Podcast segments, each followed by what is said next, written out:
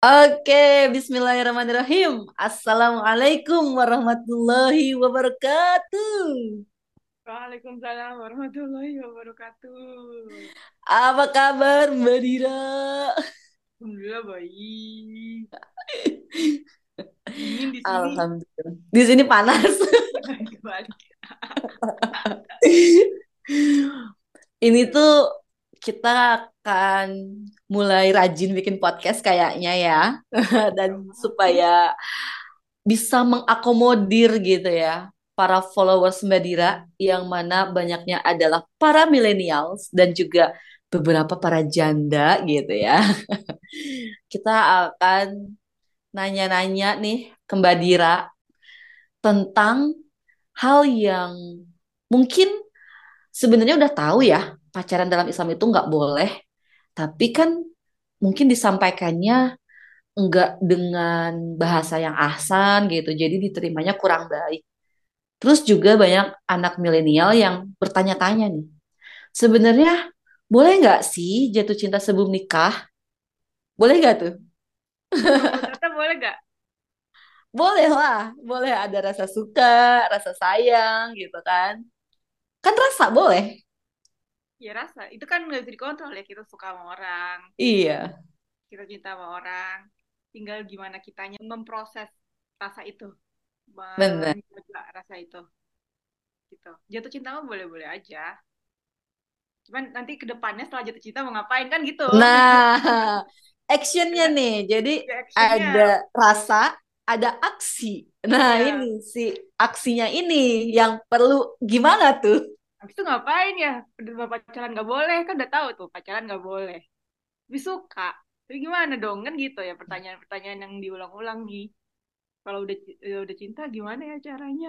Apakah aku harus mencintai dia dalam diam? Kan gitu pertanyaan selanjutnya.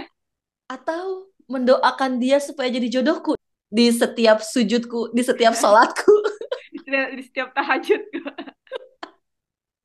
Menyebut namanya di sepertiga malam. Iya. Sebenarnya em, itu tergantung dari diri kita masing-masing. Kan kalau aku eh, aku pernah dengar dan aku percaya itu aku pernah da- eh, baca eh enggak dengar kajian Ustaz Salim Alfi lah kan kalau sabar itu bisa milih Iya, Ya, kenapa bisa milih jadi kita tuh sabar tuh bisa milih sebelum kita ngambil pilihan itu gitu maksudnya tuh gimana? Ya kita tinggal mencerna aja tuh membayangkan. Mengkira-kira. Kira-kira kalau misalnya aku cita-cita sama dia mendoakan dalam diam doa nggak ngomong sama orangnya itu aku bisa sabar gak terus kalau misalnya aku maju ngomong sama orangnya gimana cara supaya nggak malu? Kabarnya tuh kan gimana caranya nyari? Misalnya aku tahu nih pacaran tuh emang nggak boleh. Karena kita kan dalam Islam kan harus menjaga em, diri kita sendiri apalagi wanita. Kalau misalnya udah terlalu dekat sama pria intens chat dan segala macam kan akan ada perasaan-perasaan yang belum seharusnya kata-kata yang belum seharusnya diomongin udah diomongin emot-emot yang harusnya belum keluar udah kirim gitu kan. Kan emot-emot yang belum keluar tuh emoticon yang belum boleh keluar tuh kayak misalnya kok emoticon love lah. Tau gak sih yang emoticon yang kayak eh, kayak kayak, ci- kayak cium gitu tapi dia sebenarnya ada love-nya gitu love, loh kan. ya tahu tahu. gitu-gitu kan itu kan sebenarnya emoticon itu kadang membantu bikin ekspresi kita jadi lebih jelas gitu kan dalam chat atau Betul. atau stiker-stiker yang belum saatnya udah dikeluarin gitu loh. Jadi kan eh, sebenarnya kita jadi bisa milih, oke aku harus ngapain nih? Aku suka nih orang ini, tapi aku perempuan. Aku harus ngapain? Apakah aku bisa sabar nunggu? Terus sabar ketika aku diem aja ternyata dia milih orang lain. Apakah aku bisa sabar seperti itu? Atau aku memutuskan untuk mau ngomong sama orang yang bersangkutan, tapi kira-kira ada nggak nih guru ngaji atau orang yang kenal sama dia yang bisa tanya ke dia tanpa menjatuhkan harga diri aku? Itu juga bisa. Atau ngomong langsung itu juga nggak apa-apa sebenarnya. Kalau ngomong langsung Mm-mm. ya waktu itu kan eh, aku pernah nonton kajiannya Ustadz Khalid Basalamah juga. Dalam masa Nabi Muhammad juga ada tuh wanita yang menyerahkan dirinya untuk eh, Rasulullah nikahi gitu. Iya, terus Rasulullah bilang aku sedang tidak ada niatan untuk itu. Terus akhirnya nanya kepada sahabat siapa yang mau menikahi dia gitu. Terus pada sahabat ada yang ada ada yang angkat tangan kan. Maksudnya boleh kayak gitu sebenarnya. Tergantung dari kitanya siapnya yang mana sabarnya mau lakukan yang mana gitu kan. Dan um, kalau tahu bahwa ini perlu dijaga prosesnya itu maksudnya dengan ta'aruf ini supaya ketika kita nikah itu berkah Allah tuh turun. Karena prosesnya kita berusaha selalu jaga gitu loh ya kan? Jadi itu yang kenapa uh, jatuh cinta pertanyaan jatuh cinta boleh nggak? Boleh boleh aja. Boleh. Enggak itu kan Allah yang kasih. Tapi gimana yes. kita mengelola rasa itu? Itu yang penting. Betul. Gimana fokus kita tuh berusaha untuk uh, ke Allah bukan ke orang itu. Gitu kan? Itu itu yang penting banget. Kalau jatuh cinta mah kita mah udah wajar. Kita pernah jatuh cinta juga kan sebelum nikah gitu. Iyalah. Wajar gitu. Cuman ya tadi kamu mau yang mana kalian mau yang mana? Mau diem aja dengan doa kayak oke okay, gue doa aja deh. Ya udah berarti kan terus kesabaran yang dipilih. Berarti kalau misalnya cuman doa aja terus misalnya dia milih yang lain karena dia nggak tahu perasaan kamu misalnya ya udah sabar. Sabar toh kan kan menuntutnya cuma diem aja. Berarti mungkin bukan yang itu kata Allah misal. Terus hanya ngomong langsung tadi boleh kalau emang kuat mental ya aku juga pernah dulu ada konsekuensi. Aku juga pernah. Iya konsekuensi ditolak kan? Itu udah. Iya. Kalau ditolak ya, ya udah. udah. Emang itu laki cuma lu doang? Iya kayak itu mau takut. There is a lot of fish in the sea. Banyak pria di dunia di dunia ini sebanyak ikan di lautan.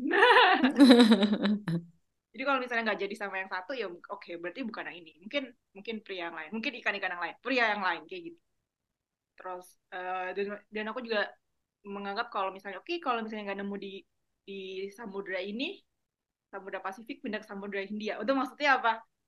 Ya kali aja dengan pindah lingkungan. Itu kan kayak pindah lingkungan. Cari yes. ikan yang lain. Cari cari pria yang lain. Mungkin bukan di kota kita mungkin bukan di daerah lingkungan kita mungkin di lingkungan lain. Itu juga bisa gitu. Ya itu jadi eh, nggak apa-apa jatuh cinta sebelum sebelum nikah. Gimana kita ngelolanya itu yang penting. Nah terus yang pertanyaan keduanya ya terus kalau taruh ya ngapain tuh itu kan CV doang itu kayak kan kita nggak kenal itu gitu ya banyak kan orang yang mikir taruh itu cuma untuk keran CV doang kan mm -mm Padahal kan sebenarnya nggak cuma itu gitu. Ketika kita CV itu hanya membantu untuk melihat gambaran dirinya secara sekilas gitu loh. Padahal ketika misalnya kita ketemu bisa juga banyak pertanyaan-pertanyaan yang kita perlu gali dari situ. Banyak pertanyaan-pertanyaan yang pertanyaan challenge, pertanyaan uh, atau pertanyaan-pertanyaan yang itu bikin kita jadi terkenal dia lebih dalam dari pertanyaan atau kita challenge itu maksud tadi tantang ngasih tantangan tantangan ke dia untuk bisa melihat ini karakternya kalau dalam situasi ini yang muncul kayak gimana itu juga bisa. Nah pentingnya pas anggap kita mulai mikir bahwa oke okay, aku mau taruh sama dia gitu, ya kan? Anggap kayak gitu, aku mau taruh sama dia, habis itu ngapain gitu kan? Nah yang penting itu adalah fokus kita tuh ketika taruh tuh penting banget fokus itu ke Allah.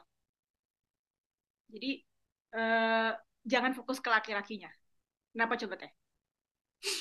Iya, soalnya kan nih kalimat yang sering diulang-ulang sama Mbak Dira itu, semoga hatimu selalu untuknya, bukan untuknya, sehingga kamu tetap baik-baik saja. Iya, nyanya tuh ny eh, semoga hatimu selalu untuknya, nyanya yang gede ya, ya maksudnya Allah. Iya, iya kepada Allah bukan, itu. Bukan untuknya dia gitu. Yes. Sehingga uh, hati kita akan baik-baik saja gitu. Betul. Kenapa? Kenapa kayak gitu juga? Salah satu juga karena biasanya kalau misalnya kita fokus sama manusia ketika taruh kita tuh jadi gak nggak bisa nanya karena takut salah dan gak logis jadi gak logis iya jadi gak logis takut nanya takut nanya pertanyaan-pertanyaan penting karena khawatir dia nggak suka terus nggak jadi taruhnya gitu kan. Bener. Terus patah hati. Jadi itu kalau fokusnya sama sama manusia manusia. Gitu, jadi kita nggak berani nanya antar kalau misalnya dia nanya itu dia marah lagi. Terus uh, ntar dia nggak jadi sama aku kayak gitu gitu jadi udah ada ngarep duluan ya? Iya, karena fokusnya ke manusia gitu. Yes. Terus jadinya uh, yang nggak tadi yang lo tanya misalnya jadi nggak logis, sebenarnya mungkin lo tuh udah ngasih tahu jawabannya dari pertanyaan kita di jodoh kita atau bukan. Cuman kita nggak bisa lihat karena gue udah cinta sama dia. Padahal udah kelihatan banget misalnya hal-hal yang kita tuh sebenarnya nggak cocok gitu. Cuman dipaksa-paksain terus karena udah fokusnya bukan sama Allah, fokusnya ke manusia. Manusia hmm. itu gitu. Jadi si batas toleransi yang misalkan standar kita nih aku nggak mau nikah sama cowok perokok. Itu standar aku banget. Tapi karena ada hal-hal lain yang ada nih di cowok itu sehingga aku menurunkan standarku. Ya udahlah nggak apa-apa dia ngerokok. Ya ngapain kan ya gitu. jadi kayak banyak yang di ya udah dia nggak apa-apa jadi dia nggak apa-apa gitu-gitu terus karena jadinya Yes. eh apa jadi nggak logis itu dan Mm-mm. oke kalau misalnya ada yang cerita ke aku terus dia bilang nggak apa-apa dia nggak apa-apa gitu-gitu terus kan Mm-mm. Aku akan nanya ya oke kamu sabar nggak nanti ketika ada nikah dengan dia misalnya perokok itu? Berarti kan kamu sudah tahu konsekuensinya bahwa dia akan terus merokok. Pulang ke rumah bawa rokok. Misalnya punya anak anaknya nyium bau rokok. Ya gitulah. Itu itu udah dipikirin nggak gitu? Dan aku biasanya kalau misalnya udah suka sama orang itu udah diistiqorohin sama aku belum taruh nih masih suka doang. Itu udah aku udah nanya ya Allah kira-kira dia cocok sama aku gak ya? Kayak aku lagi suka sama orang ini. Itu udah diistiqorohin mas sama jadi kalau misalnya tujuannya apa? Tujuannya kalau misalnya Allah kasih jawaban itu tuh tidaknya perasaan aku tuh udah gak maju lagi gitu nggak nggak jadi nggak lama-lama suka sama dia. Karena bisa jadi ketika aku taruh bukan bisa jadi emang ketika aku udah istihoroh ketika suka sama orang itu kalau tidak jodoh sama dia itu ada hal-hal yang diliatin sama Allah karena kan udah diistihorohin nah ini bikin aku ilfil terus ya udahlah kayaknya nggak mau nggak dilanjutin sama dia. Ilfil udah ada kelihatan kejelekannya yang itu melanggar prinsip aku untuk eh, menikah dengan karakternya kayak gitu. Kayak kayak misalnya aku nggak mau sama yang kayak gitu terus dimunculin sama Allah oh nggak ada nggak kayak nggak bisa. Gitu. Jadinya cepat move on ya itu itu cara aku sih sebenarnya. Jadi istihoroh itu nggak harus pas udah taruh baru istihoroh cuman kalau kita lagi suka itu udah istihoroh tuh kalau aku. Biar nggak buang waktu. Karena guru aku kan pernah bilang tuh aku juga pernah bilang ke teteh kan wanita itu saingannya bukan wanita lain saingannya waktu. Kita tuh sering membuang-buang waktu suka sama satu orang bertahun-tahun misalnya. Cuman suka doang tapi nggak nanya Allah gitu. Ya Allah ini yang aku suka ini baik buat aku atau bukan sih gitu ada yang curhat sama aku suka sama orang udah tiga tahun. Terus tiba-tiba orang tuanya nggak setuju. Dia harus ngapain? Aku pertanyaan aku eh, template pertama aja yang aku keluarin. Dan nanya Allah belum selama tiga tahun itu? Kan tuh kalau selama tiga tahun suka sama orang itu terus nggak nanya sama Allah terus gak jadi jadi tiga tahun dia buang-buang waktu. Iya benar benar benar benar. gitu. jadi kan kalau ditanya dari awal mungkin kita udah bisa lihat atau lo udah nunjukin oh ini nggak cocok nih buat kita ini tuh nggak make sense buat kita ini nggak baik ini ada ini ada yang ngasih tahu lah dia misalnya jelek ada bukti apa lah kalau misalnya dia nggak bagus gitu loh. Jadi kita tuh nggak buang-buang waktu. Dan ya tadi dalam Islam kan kita perlu menjaga hati kita. Udah tiga tahun suka sama dia gimana? Kan move onnya susah banget tuh. Jadi kan Bisa banyak membayangkan, iya. maksudnya bisa menghayal tentang si orang itu, terus kayak misalkan dia ngebales chat aja tuh kayak seolah-olah ngerespon perasaan kita gitu kan. iya makanya banyak orang-orang yang curhat sama aku tuh dia trauma misalnya eh, trauma untuk proses lagi karena yang nggak jadi. Ya iya orang fokusnya bukan sama bukan sama Allah fokusnya sama manusia. Udah berharap sama laki-laki itu sebelum sah sebelum halal gitu.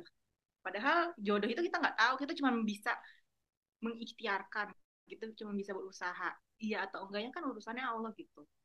Ntar ujung-ujungnya nyalahin Allah. Kok lu jahat banget sama aku? Kok ini kayak gitu? Ya kita yang cari gara-gara sih kalau aku kalau membahasa yang agak nancepnya kita Ekstrim. karena udah dija- diajarin begitu kitanya yang nyemplung di tempat yang harusnya kita nggak usah nyemplung ke situ itu kotor cari yang bersih-bersih aja nggak mau. Kalau kata mama aku mah penyakit dicari sendiri Nah, itu juga Mbak Dira terkait ta'aruf ya. Kadang kan persepsi orang tuh cuma sekedar tukeran CV, terus percayain ke murabi gitu ya, tanpa ada penggalian lebih dalam. Padahal kita kan sama-sama tahu gitu ya, bahwa dari perjalanan Mbak Dira sebelumnya ke yang sampai akhirnya menemukan nih sama Bapak Murad nih, menemukan Bapak Murad itu, itu perjalanan yang panjang banget. Dan akhirnya, kalau aku selalu ingat pernyataan Mbak Dira tuh kayak gini, aku tidak menyalahkan syariat ta'arufnya itu gitu. Tapi aku ada perasaan apa ya kayak mungkin menyesal atau bersalah kenapa dulu tidak menggali gitu ya. Hmm. Lebih menggali gitu. banyak orang-orang yang misalnya eh, dia em, menikah karena taaruf terus ternyata pas eh, pas nikah bermasalah gitu terus akhirnya cerai misalnya kayak aku gitu aku dari dulu nggak pernah menyalahkan taarufnya karena itu pasti itu hukum Allah pasti sudah benar. Yang aku akhirnya koreksi adalah oh aku kurang menggali lebih dalam. Itu salah aku. Karena kurang menggali lebih dalam. Nanti ketika taruh sama orang aku akan gali lebih dalam uh, supaya akunya setidaknya dapat gambaran ketika menikah oh, orangnya kayak gini keluarganya itu kayak gini gitu. Jadi nggak nggak menimbulkan suatu konflik yang besar karena kaget kok ternyata dia parah banget gitu. Akhirnya malah jadi pisah gitu. Itu yang pembelajaran aku. Jadi makanya karena aku tahu itu penting banget ketika proses tarif itu nggak cuma tukeran CV kalau misalnya sama Murobi sama guru Liko guru Halako. Itu kita inisiatif ke gurunya bilang mbak saya pengen ngobrol dong sama dia mbak bisa jadi perantaranya nggak? Misalnya. Kalau memang orang tua itu uh, tidak bisa jadi perantara gitu. Sama mau guru ngaji aja. Aku pengen nanya nanya nanya ini dong. Bisa tolong nggak bisa tolong sampaikan nggak atau Mbak bisa nggak uh, nemenin aku supaya aku nanya langsung biar aku bisa ngeliat ekspresi mukanya, cara jawabnya, kira-kira ada nggak koneksi antara aku dan dia ketika tanya jawab kan itu kan penting ya. Itu sebenarnya bisa didiskusikan dengan guru ngaji kita gitu atau yang menjadi perantara kita gitu. Aku kayaknya kalau cuma Mbak yang menyampaikan pertanyaan itu oke okay, kurang pas karena aku pengen lihat ekspresi dia, cara dia jawab gitu. Dan karena aku nggak mau berdua doang, mbak bisa tolong temenin nggak? Misalnya gitu. Atau kalau dalam grup WhatsApp nggak cuma berdua orang tuanya di situ misal atau guru ngajinya di situ jadi enak gitu. Ada grupnya gitu. Iya misalnya. Itu temanku juga ada yeah. sampai kita ada grupnya. Terus atau kalau memang nggak memungkinkan banget misalnya nggak ada guru ngaji cuman ada keluarga doang terus pengen nanya lebih dalam gitu ya. Itu misalnya ketemu sama calonnya itu misalnya orang tuanya ikut atau ibunya doang yang ikut tapi ketika pertanyaan-pertanyaan yang cukup dalam mungkin ibunya bisa nggak duduk satu meja agak di meja lain cuman mereka masih dalam pengawasan ibunya misalnya gitu loh jadi nggak cuma yeah. dua doang gitu kalau memang kan biasanya ada pertanyaan-pertanyaan privasi yang pengennya yang tahu cuman si calonnya doang gitu bukan orang lain tuh nggak pengen gak nyaman kalau orang lain juga tahu gitu yeah. kayak bisa disiasati kayak gitu atau kalau misalnya kayak aku bener-bener nggak ada hidup sendirian di Jerman nggak ada yang nemenin guru ngaji aku ada di kota lain jauh banget dipantau sama guru ngaji aku dari jauh karena beliau udah percaya bahwa kamu gak akan aneh-aneh. Coba tanyainnya ini ini ini coba tanyain ke dia. Kayak misalnya entah kamu kalau udah nikah aku diizinin di kok lagi nggak? Aku boleh seminar nggak? Gitu-gitu tuh pertanyaan-pertanyaan gitu tuh tuh pertanyaan titipan dari guru ngaji aku. Ntar pas udah selesai sama dia share sama guru ngaji aku kayak gitu gitu loh. Jadi bisa juga kalau memang benar-benar situasinya tidak memungkinkan gitu. Nggak ada perantara dan cuma berdua doang. Kalau ketemu di tempat yang umum bertanyanya juga benar-benar kalau fokusnya sudah sama Allah itu benar-benar udah nating tulus deh. Jawab yes. bisa bisa nggak bisa jawab itu kayak ya terserah. Kalau nggak jadi sama anda ya nggak apa-apa gitu. Kerasa banget sih prosesnya tuh mungkin kita prosesnya sama ya mirip lah gitu. Bener-bener yang nggak mungkin ngajak ngajak teman aku mereka udah punya pada punya buntut kan di sini. Terus kayak dengan kesibukan mereka gitu. Cuman ya udah fokusnya adalah kita minta tolong sama Allah gitu ya. Uh, Allah nemenin kita gitu. Dan bener-bener ketemunya pun ya di tempat rame. Nggak berdua-duaan misalkan di mana gitu kan. Jadi kafe aja. Ya, walaupun memang ada situasi ada kasus orang yang ketemu berdua udah rencananya tuh udah kayak udah mau jaga diri. Cuman tetap aja kalau emang nggak ada yang mengontrol dari jarak jauh kalau kita nggak kuat-kuat banget terus tiba-tiba nggak masalah dia pegangan nggak ada yang tahu. Kan karena di lingkungan orang-orang nggak tahu kita tuh siapa kan. Benar-benar jadi ya udah orang lain yang ramai ini nggak nggak ada yang tahu ini jadi ya udah nggak apa nggak ada apa dia dia ngajak pegangan kita pegangan. Kata dia juga ya udah deh nggak apa-apa. Karena nggak ada yang tahu walaupun tempatnya ramai makanya perlu banget ada yang walaupun dia tidak hadir di situ kalau memang kita tahu diri kita, kita kenal diri kita sendiri bahwa kita nggak bisa nih nggak gampang tergoda misalnya. Kalau ya ada orang yang dari jauh nemenin misalnya kayak tadi aku bilang dia ketemu berduanya itu entah ada ibunya ibunya di mana gitu. Atau ada guru ngaji yang kayak aku guru ngajinya nggak ada. Cuman pas udah selesai itu kitanya laporan gitu. Dia itu ngapain aja. Dan biasanya yang namanya guru ya dia bisa lihat tuh kita bohong apa enggak. Oh iya benar, benar-benar. Ayo, ayo kamu tadi ngapain? Kayak kalau ada yang nggak diceritain ya misalnya kayak gitu-gitu. Tuh udah ada feeling-feeling kayak gitu tuh biasanya ya. Gitu. Jadi perlu ada kalau kita merasa kita tidak kuat untuk tegas ke diri kita sendiri atau kita nggak bisa tegas untuk uh, ke calon kita ketika ketemu pastiin ada yang nemenin dari jarak jauh apa ya, jarak dekat gitu. Itu sih kalau uh, taarufnya gitu ya. Nah terus uh, yang perlu disiapkan tuh ya sebelum taaruf nih itu orang tua disiapin juga jangan tiba-tiba mah aku mau nikah gitu. Itu kaget. Ngapa iya. lu mau nikah? Iya, kagak ada angin kagak ada hujan. Dia disiapin orang tua tuh maksudnya dijelasin mah aku tuh pengennya laki-laki jenisnya kayak gini loh eh apa yang karakternya kayak gini gitu. Diajak ngobrol orang tuanya. Kayak aku juga kan dari dulu kan aku pengennya sama orang asing ya.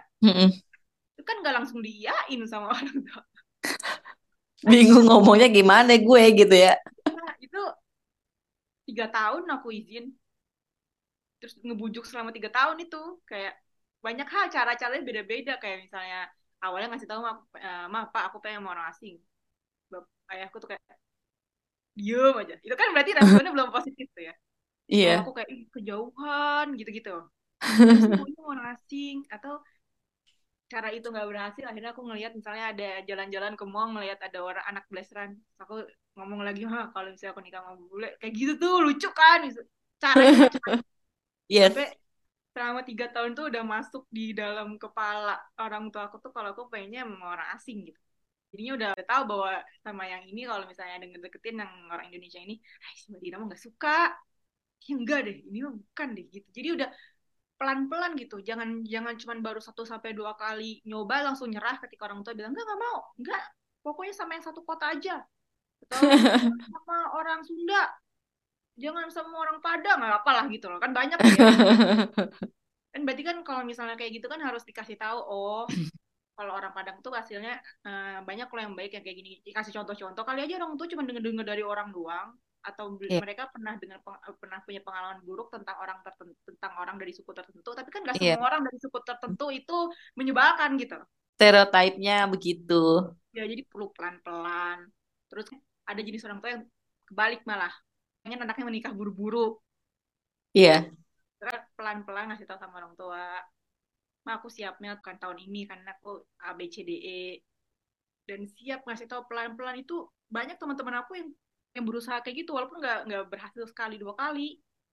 Ya ya iya ada nangis nangisnya ada ada stres-stresnya kan orang tua yang ada maksa gue nikah mulu. Ini belum ketemu atau mengucapin dengan kata-kata yang tidak menyenangkan untuk didengar misalnya.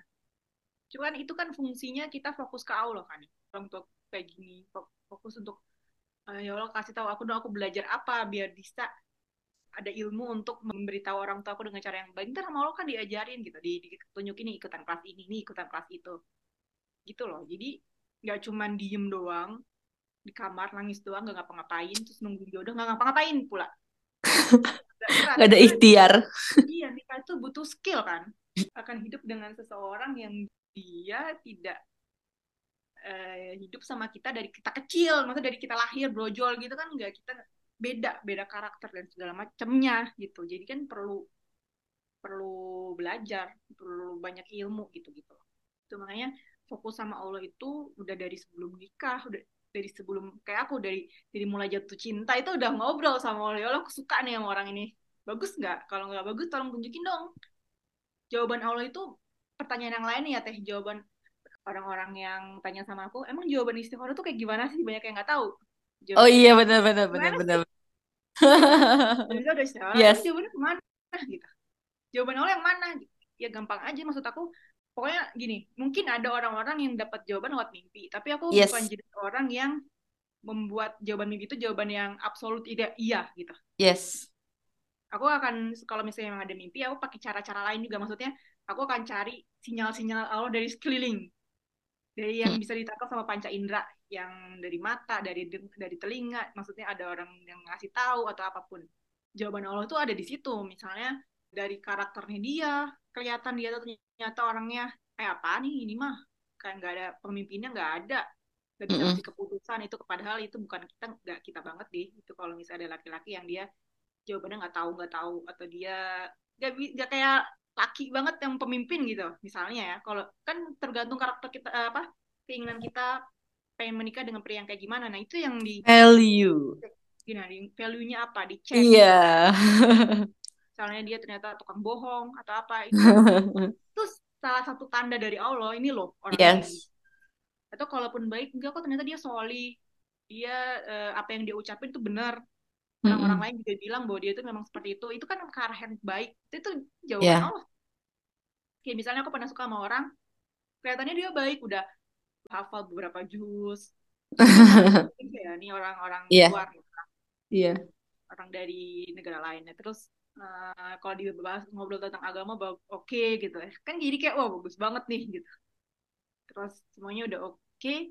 terus aku istiqoroh terus sama Allah ini bener gak sih orangnya kayak gini? Maksudnya orang yang aku suka tuh emang bagus gitu. Lama-lama ke sini sini Allah tuh ngeliatin ternyata ke sini sininya tuh dia makin uh, terpengaruh sama budaya Jerman. Oh dia meluk meluk uh, cewek gitu ya meluk wanita yang bukan mahrom itu buat aku udah nilai negatif banget gitu. Iyalah. Nah, sholatnya ternyata pas sholat kalau misalnya dia kerja sholatnya itu digabung semua di akhir. Jadi digabung semua isya di akhir gitu. Atau misalnya bangun sholat subuh tuh kesiangan terus. Atau hmm. uh, kalaupun kesiangan karena harus berangkat sekolah dia nggak sholat dulu. Jadi tuh buat aku wah ini penting banget nih. Ya udah belum belum belum ini belum proses taaruf loh. Aku masih suka yeah. sama orang itu jadi udah agak wah ya feel banget pusing banget gue. Kalau misalnya nikah sama orang yang sholatnya aja nggak dijaga itu buat aku penting banget sholat itu nggak bisa diganggu gugat yes. harus sholat lima waktu. Karena itu ridho Allah tuh ada di situ. Kalau kepala keluarga aja nggak sholat nya nggak bener nih kualitas sholatnya nggak bener ya udahlah kacau balau gitu. Aku nggak nggak mau deh. Ya udah. Nah itu tuh diliatin sebelum aku ngajain taruh karena aku udah mendiskusikan itu ke Allah dulu dari istihoro istihoronya nggak cuma sekali dua kali sesering yang aku bisa gitu sehari tuh. Misalnya di waktu tahajud atau sebelum sholat zuhur kalau sholat zuhur waktu duha ya kan? Sesering mungkin karena buat aku kalau semakin sering isi horonya jawaban Allah makin cepat gitu aja. Jadi aku nggak perlu buang-buang waktu untuk menginvestasikan perasaan aku ke orang yang salah gitu loh. Makanya nggak heran kalau misalkan Mbak Dira bisa taruh dalam waktu seminggu besoknya entah dengan siapa lagi dengan siapa lagi gitu kan. Karena prosesnya cepet. Kayak Mbak Dira bilang teh tau nggak? Yang ini tuh ternyata gini loh. Yang ini. Ya, hah? Cepet banget. Aku bilang kayak baru tiga hari deh gitu. Tapi udah iya. kebuka semua sama Allah ya. Kebuka kebuka jadi hah? Ada yang taruh ya? Aneh-aneh lagi ada yang taruh tiba-tiba dia ngasih tahu sendiri aku kalau dia tuh tahanan kota dia iya benar. pak dia pernah ah segala macam lah. Terus ada yang ngasih tahu lagi dia ngasih tahu juga punya utang di atas satu m. Rempong. Ayo terus makanya jadinya itu tuh ketika ada orang nanya boleh nggak jatuh cinta boleh. Tapi ketika boleh. jatuh cinta diskusiin langsung ke Allah gitu. Karena balik hmm. lagi wanita itu saingannya bukan wanita lain sebenarnya ketika belum nikah ini. Saingannya itu waktu. Ya. yeah. Kadang-kadang kita buang-buang waktu menginvestasikan perasaan kita ke orang yang salah. Itu nggak didiskusin sama Allah ini bener gak sih perasaan aku sama dia? Diistihorohin lah ditanya lah ke Tuhan kita. Itu tuh yang namanya fokus sama Allah. Dan ternyata kalau jawabannya positif ternyata si laki-laki juga suka ketika proses taruh iya fokusin lagi. Ke Allah lagi jangan jadinya oh iya dia suka juga sama aku ya udah aku fokusnya sama dia. Jangan kayak gitu. Melenceng lagi. Melenceng lagi bahwa kita benar-benar harus udah siap bahwa mungkin uh, dari proses ini walaupun gak jadi Allah pengen ngasih pembelajaran apa ke aku misalnya bukan karena kan udah jawabannya udah oke kok tiba-tiba jadi nggak oke ya jawaban Allah itu kadang di akhir-akhir loh Iya benar-benar. Kadang bukan harus selalu di depan gitu. Kayak aku misalnya ternyata jawaban Allah tuh udah udah ke arah positif semuanya ternyata ketika udah mau nikah tinggal dua sampai tiga minggu lagi nikah nggak jadi. Mm-hmm. Apakah aku nanya ke Allah ya kok kok tadinya oke sekarang jadi nggak oke sih? Ini salah ini salah engkau ya. Aku nggak nyalain Allah ya bisa jadi yang terakhir dan ada pembelajaran yang perlu aku pelajari dari proses itu gitu loh. Mm-hmm. Intinya ketika kita yakin bahwa Allah itu adalah uh, yang terbaik terus kita selalu diskusi sama Allah kita juga selalu memperbaiki diri itu proses taaruf kita selanjutnya orangnya kualitasnya tambah bagus benar setuju ya kan itu aku yeah. tuh udah udah loh dari yang udah aneh-aneh banget Iya benar. terima datang lagi yang makin lama makin bagus makin bagus dan akhirnya sama Allah setelah tujuh tahun tujuh tahun loh hampir tujuh tahun Iya. loh aku tuh berusaha lagi untuk uh, memataskan diri lagi untuk nikah lagi. Dulu kan aku pernah nikah terus kan uh, cerai kan. Hampir tujuh tahun aku mata sendiri gagal bangun lagi terus aja terus kayak gitu diskusi lagi sama Allah. Nangis nangis mah udah kayak berapa liter kali ya kalau dikumpul Cuman akhirnya Allah ngasih tahu hampir apa ngasih taunya ngasih aku pria itu itu di dia di tahun yang ketujuh.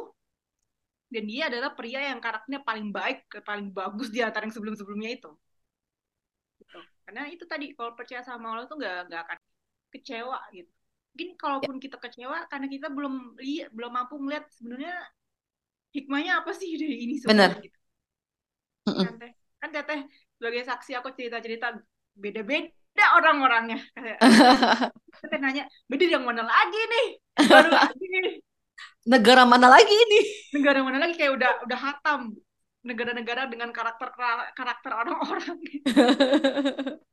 Dan ketika aku nikah sama uh, suami aku yang sekarang aku udah tahu karakter orang Turki itu ya begitu. Jadi nggak kaget. Nggak terlalu culture shock. tahu culture shock gitu gitu. Jadi itu prosesnya. Kalau ditanya taruh itu apa terus apa yang perlu kita lakukan itu yang penting yang perlu kita lakukan. Dari mulai jatuh cinta sampai akhir itu fokusnya sama Allah. Bahkan habis nikah juga fokusnya sama Allah. Suami kita itu tetap Ya. milik Allah bukan milik kita. Gitu. Benar.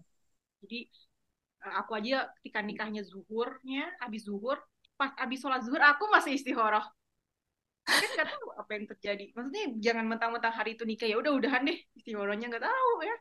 Banyak kan cerita-cerita orang yang nikah di hari nggak jadi dengan segala alasan ya. Entah kenapa gitu. Iya benar benar benar. jadi itu pokoknya di podcast kali ini tuh mungkin aku mau ngasih taunya fokusnya ayo latihan untuk fokus sama Allah dari hal apa pun termasuk ketika kita Iya. jatuh cinta. Kalau saran aku buat orang-orang yang lagi jatuh cinta istighfarahin langsung. Ini Allah ini yang terbaik gak sih Benar. Ntar wasting Pokoknya- time soalnya kalau nggak kayak gitu. maksudnya aku banyak taruh bukan berarti aku taruh yang banyak orang dalam satu waktu Iya. karena emang sama Allah dikasihnya cepet aku istikharahnya banyak dikasih buktinya cepet nggak jadi nggak jadinya tuh cepet gitu jadinya karena karena tidak menginvestasikan rasa aku ke orang tersebut Bener. jadinya move on-nya cepet ya udah cari yang lain dan ke orang-orang yang nanya ke aku gini emangnya ada pria sebaik itu Lah, ada Puncak lagi ya? pria sebaik, sebaik itu atau kebalikannya. itu. Atau kebalikannya. Aku belum nemu cowok sebaik dia. Nah, Asik. gitu. ada nggak jawaban aku pasti ada nggak mungkin nggak ada Islam tuh suatu saat akan bangkit dengan Yes. pria-pria yang terbaik Ini Berdoa. sekarang udah mulai. iya makanya Ini sekarang udah mulai berdoa. nih. semoga kamu dapet suami yang dia tuh punya peran dalam kebangkitan Islam jadi pria yang baik gitu nggak mungkin prianya jelek semua di dunia ini nggak mungkin Sekarang idolnya para mujahid loh. Bukan K-pop, bukan siapalah gitu kan. Sekarang para mujahid jadi idol iya atau pria-pria yang dia juga sangat menjadikan para mujahid itu role model jadi dia bisa jadi baik kayak gitu gitu Hmm. banyak kok kalau misalnya memang ngerasa nggak ada pria sebaik itu kamu mainnya kurang jauh banyak Nah, bener. Kurang jalan-jalan, Mbak, kurang piknik. Kalau nggak ketemu di lingkungan A pindah ke lingkungan B. Kayak aku aku pindah sampai pindah negara loh. Karena aku Aku pindah pulau. di, di kalau TA pindah pulau Iya. Bali. Karena di, di, di lingkungannya nggak ada gitu loh. Maksudnya begitu kalau misalnya em, misalnya ngerasa aku nggak bisa keluar kota karena ibu aku perlu diurus orang tua perlu diurus segala macam ya udah pindah komunitas kek. Kali aja ada komunitas baru nambah komunitas nggak cuma pindah nambah. Kali aja ada Ya. komunitas yang tepat yang kira-kira lihat nih dari karakter pria yang kamu mau pria kayak gini tuh di lingkungan mana sih itu yang dicari? Ya, jadi Iya. gitu loh. Jadi jangan jangan terlalu banyak ngelangsa gitu kayak kayaknya nggak ada pria baik Kayak depresi baru dua atau tiga kali gagal ketemu pria baik terus langsung kayak desperate gitu. Oh, kayaknya cowok baik udah habis stopnya di dunia ini. aku tidak percaya pria baik di dunia ini sudah habis sekarang tuh. Banyak kita belum nemu aja. Belum dan mungkin latihan untuk percaya sama Allah. Ada pria itu ada. Aku percaya sama engkau sebagai sebagaimana aku berusaha memperbaiki diri aku sendiri aku yakin engkau kasih aku yang baik keyakinan sama Allah itu tuh yang penting banget. Makanya kalau ada yang curhat sama aku aku bakal selalu nanya kamu percaya sama Allah nggak? Cuman pas dia cerita cerita ternyata banyak yang kalimat-kalimat yang tidak ke arah sana jadi kan ya udah no, kelihatan tuh kamu nggak kamu sebenarnya nggak percaya. Itu cuma di mulut doang. Percaya itu yeah. udah sampai keyakinan dalam hati bahwa percaya aku tuh percaya ada. Gitu. Gitu teh. Itu mungkin untuk awal-awal okay. kayak gitu maksudnya untuk dijelasin bahwa taruh tuh kayak gimana sih yes dan uh, sebetulnya sih buat bantu teman-teman semua gitu ya, mungkin bangkit dari kegelapan menuju jalan yang terang itu, teman-teman bisa banget baca bukunya Mbak Dira yang Cinta Allah Bersamamu, karena itu tuh relate banget sama kondisi teman-teman yang mungkin lagi kan kondisinya down gitu ya, lagi spread kayak gitu. Terus kalau misalkan mau uh, menyelami makna nih ya di balik doa-doa kita, itu bisa baca buku yang antara aku dan Tuhanku. Jadi itu Mbak Dira udah banyak banget ngasih apa ya di Instagram Mbak Dira sharing gitu ya di podcast ini juga ngasih ilmunya gitu dan teman-teman bisa banget dengerin audio healing dari Mbak Dira, bisa juga baca buku Mbak Dira karena kan Mbak Dira nggak selalu bisa online ya teman-teman. Jadi bisa lah ditemenin Mbak Dira lewat karya beliau gitu. Jadi ya teman-teman buat yang lagi berproses, yang lagi jatuh cinta. Iya. Karena aku cuma satu, ayo sertain Allah dalam dalam rasa itu, dalam rasa cinta kalian sama orang, sama-sama manusia, disertakan Allahnya. Tanya ya Allah ini pria yang aku suka ini terbaik buat aku atau bukan. Jangan jangan sampai gini, aku pribadi aku tidak percaya sama diri aku sendiri bahwa keputusan aku tepat. Maka aku butuh Allah untuk mendampingi aku jadi biar kalian nggak buang-buang waktu kalau udah suka sama orang yuk tanya langsung kalau ya Allah ini bener nggak tolong karena semua jadi dimudahin yang tadinya orang tuanya susah insya Allah kalau jodoh mah jadi gampang kayak jalan tol Badira berapa hari menuju nikah? 8, eh pas 10 ya? Eh 8 Cepet banget ya Mbak Dira. Aku sekitar 20 hari ya. ya itu kan. cepet sebenarnya. Karena kalian akan dikasih tahu sama Allah tuh coba tanya ini. Kayak ada perasaan coba tanya ini coba cari taunya ini. Atau tiba-tiba ada orang yang ngasih tahu coba dia tanyanya ini. Kayak gitu gitu loh. Karena Allah tuh ada sama kita dan kita melibatkan Tuhan kita dalam setiap proses kita gitu. Jadi kalau ditanya kenapa yakin? Ya karena jawaban istimewanya kayak gitu.